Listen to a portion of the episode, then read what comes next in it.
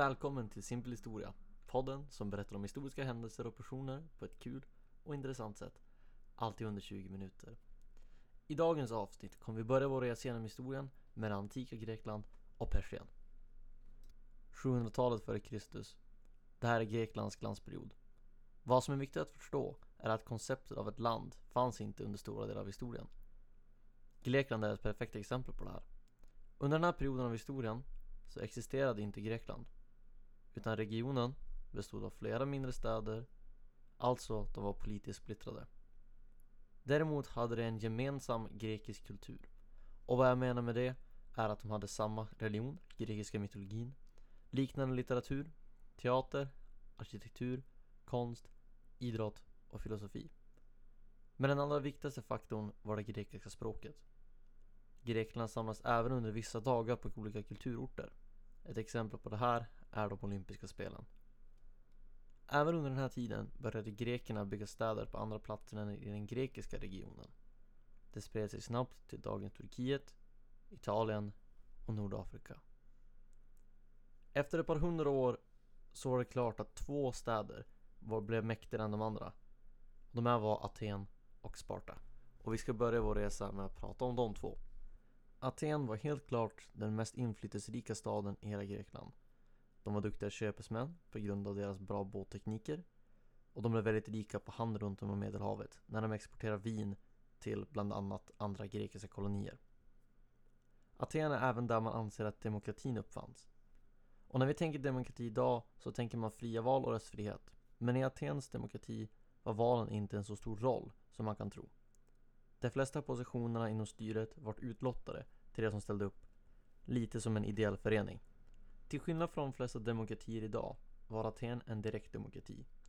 Där man förespråkade ha bolenemos som typ betyder den som vill detta. Och det betydde att alla som kunde rösta, ungefär 30 000 personer, kunde gå in i deras riksdag, som de kallade eklesian, och föreslå en lag eller att stoppa en motion. Ungefär 6 000 personer rymdes i eklesian men man kan tänka sig att om 6000 personer ska prata över varandra i en stor sal blir det som att en förskoleklass ska på utflykt.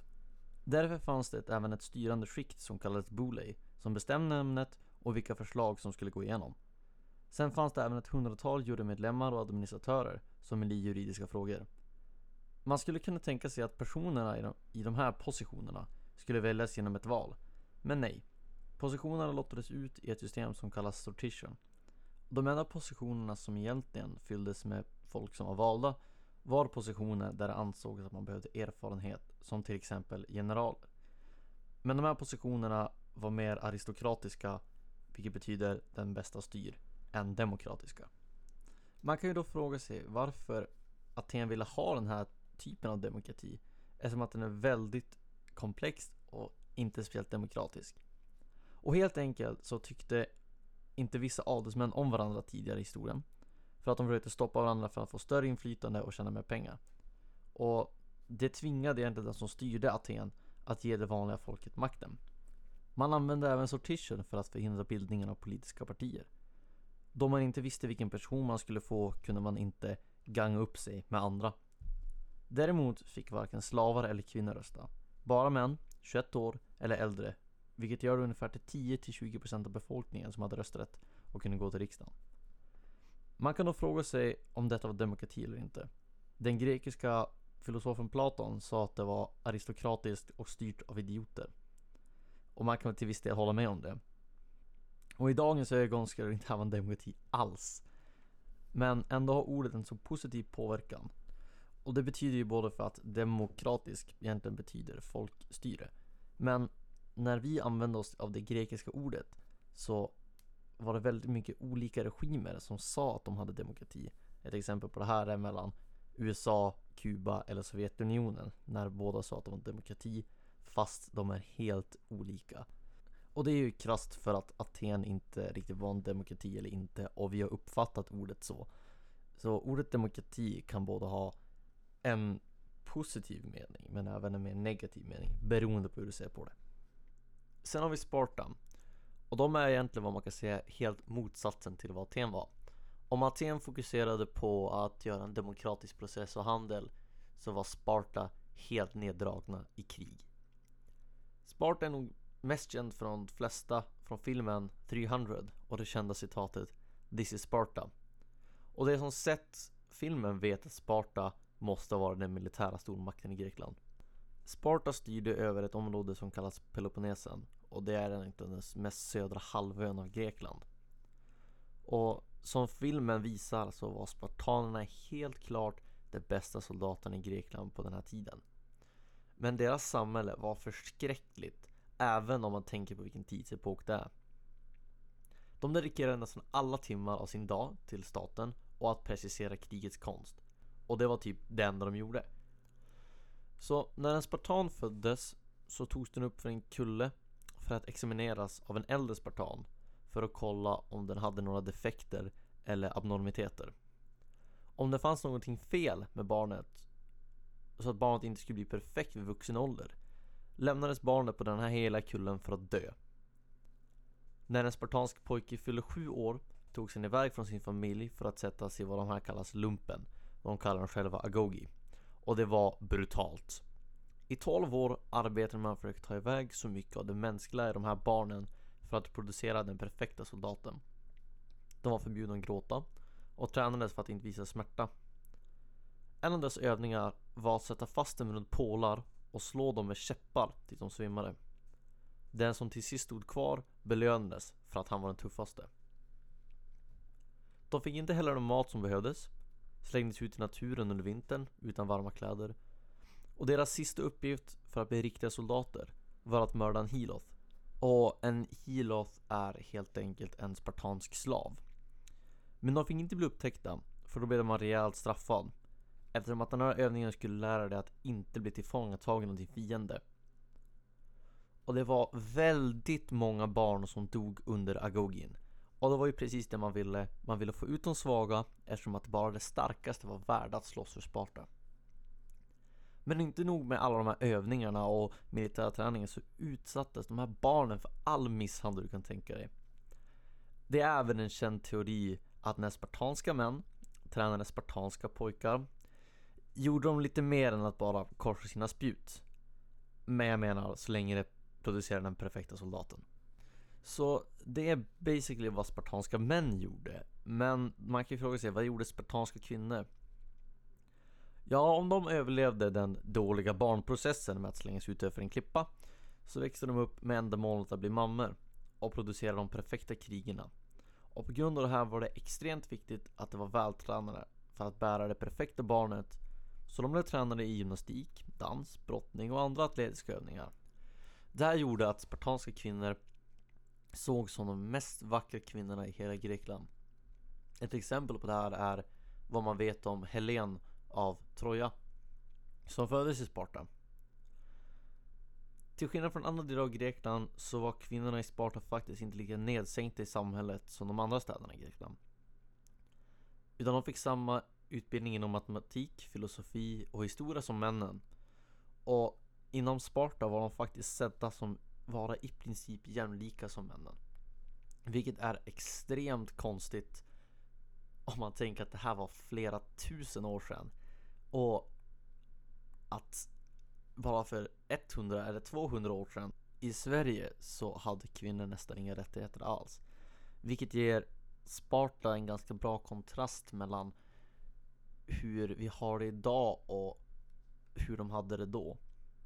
Det finns nackdelar och det fanns väldigt mycket. Det fanns vissa fördelar, jag ska inte säga så många fördelar. Men det är egentligen vad, vad, vad Sparta höll på med. Vi rör oss nu bort från den grekiska delen och vi rör oss på den andra sidan havet. Där det persiska riket regerar. Över flera hundra år har det persiska riket expanderat utan någon typ av utmaning. Under tidsperioden med grekerna sträckte det sig från Pakistan till dagens Grekland och ner till Egypten. Perserna var klart det mest rika i världen i denna tidpunkt och drog in massa pengar för att driva sin gigantiska krigsmaskin. De flesta som bodde i det persiska riket dock avskydde perserna eftersom att ingen vill egentligen att en främling ska styra över dig. Lite likt som att om Sverige skulle ha en dansk statsminister och vi svenskar hade inget att säga om det. När perserna erövrade dagens Turkiet så var det många greker som var tvungna att fly bort från de kolonierna de har satt upp där och tillbaka till de grekiska städerna. En stad som inte tyckte om detta var Aten, då de såg sig själva som grekernas skyddsängel och kunde inte tolerera att greker blev styrda av perserna. Men egentligen blev de mest sura för att de förlorade möjligheten att tjäna pengar via handel. Men Aten ger i alla fall militärt stöd till de här kolonierna, vilket perserna verkligen inte gillar. Och den persiska kungen Darius bestämmer sig för att daska grekerna helt enkelt. Och för första gången i historien så samlas de flesta grekiska stater för att bestämma sig hur egentligen de ska ganga upp mot perserna för att inte bli förintade. Och Aten är de första som leder striden mot perserna. Och det går inte så bra i början. Men perserna gör ett stort misstag i ett försök att inta Aten. De landar sina trupper där havet möter ett träsk. Grekerna som känner till landet väl använder detta till sin fördel och i slaget tvingade perserna tillbaka ner i havet. Grekerna gör detta med mindre än hälften av männen som perserna har. Anledningen till att Aten vinner den här striden är dess användning av omgivning och deras bättre utrustning. Det blir ju en ganska stor skillnad om man använder en bronssköld till skillnad mot en träsköld och så vidare. Perserna de skäms över den här förlusten, att de har förlorat mot grekerna som de såg som barbarer helt enkelt. Och tio år senare tar Xerxes den första upp striden mot Greken igen. Och han är sonen av Darius som invaderade Grekland förra gången. Men han är smartare än sin pappa. Han studerar grekerna och miljön de ska slåss i. Han gör om armén så att trupperna har bättre vapen och rustningar. Och han använder inte bara antalet soldater för att avgöra striden utan planerar med strategi. Förutom att det här gjorde han inte. Och det som är så svårt att greppa är att grabben hade 10 år på sig att planera mot en fiende som de redan har slagits mot och han väljer att göra samma sak igen. Även om man vet att de blev förstörda första gången. Så man tänkte såhär, kunde ingen i det persiska riket räkna ut att man kanske inte ska göra samma sak igen? I alla fall så går Xerxes in i Grekland och det är ganska många av de grekiska staterna som faktiskt väljer att ansluta sig till perserna eftersom att de är det här stora riket och ingen vill liksom riskera att ens land ska bli helt förstört. Så Xerxes armé på ungefär 200 000 man äh, möter grekerna för första gången i slaget vid Thermopylae. Och det här slaget är väldigt känt, det är bland annat med i filmen 300 som vi pratade om tidigare. Och det står ungefär 500 greker, ungefär 300 av dem är spartaner. Perserna vinner det här slaget, ganska obviously, men de tar väldigt höga förluster. Och det är ju det här man tänker att om 500 greker kan typ döda typ 4000 pers bör man inte tänka över sin militärstrategi. Men Xerxes tänker inte så, utan han fortsätter sin marsch mot Aten och han bränner faktiskt ner staden till grunden. Och efter det här slaget då är Xerxes, han är nöjd med sig själv och han vill nu mörda den atenska flottan som har samlats för ön Salamis. Och nu, nu tänker han använda taktik för att vinna förutom att han inte gör det. Den persiska flottan krossas i de smala passagerna mellan ögrupperna. Där perserna egentligen inte kunde använda sin fulla styrka. Och ni kanske undrar varför Xerxes inte använder strategi för att vinna det här slaget heller. Och det är för att han behöver tillfredsställa sitt enorma ego genom att bygga en tron. Då han ville sitta och titta på när han krossade grekerna. Och efter det här slaget då beger sig Xerxes tillbaka till staden Babylon då det inträffat ett uppror där. Men han tar inte med sin armé och lämnar kvar den i grekiska regionen över vintern. När han senare kommer tillbaka för att hämta sin armé så får han reda på att han har blivit krossad av grekerna vid slaget om Platay. Och efter det här visar sig förmodligen extremt less på grekerna. De är det här matteprovet du pluggar till i två månader men du får ändå F på det. Och efter att perserna lämnat tar egentligen Sparta och Aten upp rollerna som regionens mest mäktiga stater. Och freden håller inte länge. Utan snart uppstår det krig mellan de två länderna och det är precis det vi ska prata om i nästa avsnitt av Simpel Stora. Då ska vi prata om grekernas fall och Makedoniens intåg. Jag heter Gustav Gires Nilsson. Vi hörs snart igen.